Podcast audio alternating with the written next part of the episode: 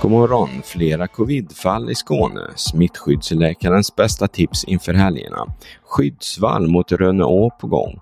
Och olycka på väg 21 igår. Här är de senaste nyheterna från Helsingborgs Dagblad. Pandemin är över sedan länge men fortfarande finns det människor som blir sjuka i covid-19.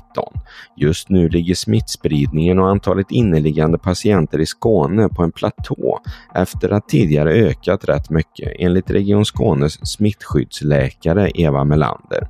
Hennes råd inför helgerna är att inte bli rädd och isolera sig, men att se till att tvätta händerna och vara försiktig kring äldre och nyfödda och vaccinera sig. Ängelholms kommun vill bygga en skyddsvall för att skydda bebyggelsen i havsbaden.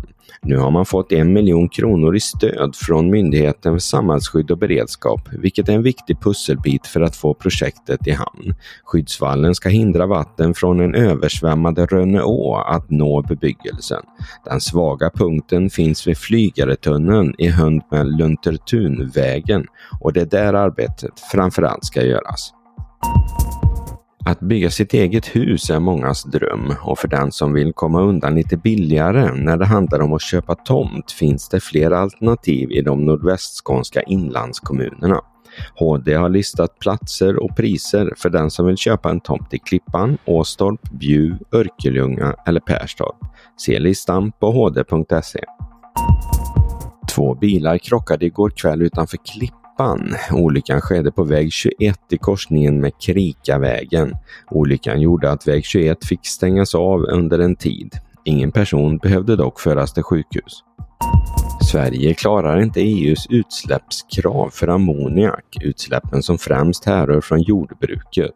Sedan 2015 har utsläppen bara minskat med 5 och Naturvårdsverket ser det nu som mycket svårt för Sverige att nå det slutliga utsläppsmålet till 2030. Ett tjugotal personer skadades i natt så allvarligt att de fick föras till sjukhus efter att Ryssland skickat ett antal ballistiska robotar mot Ukrainas huvudstad Kiev. Alla robotar sköts ner men delar av de sprängda robotarna föll ner över bland annat flera bostadshus.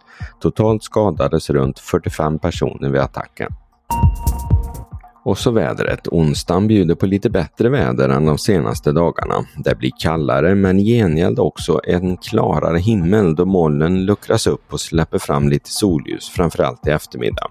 Temperaturerna varierar mellan en minusgrad och ner till tre minus. Vinden blir måttlig och blåser från nordost. Det var allt från Helsingborgs Dagblad den här morgonen. I studion Peter Färm. Läs mer på hd.se. Vi hörs!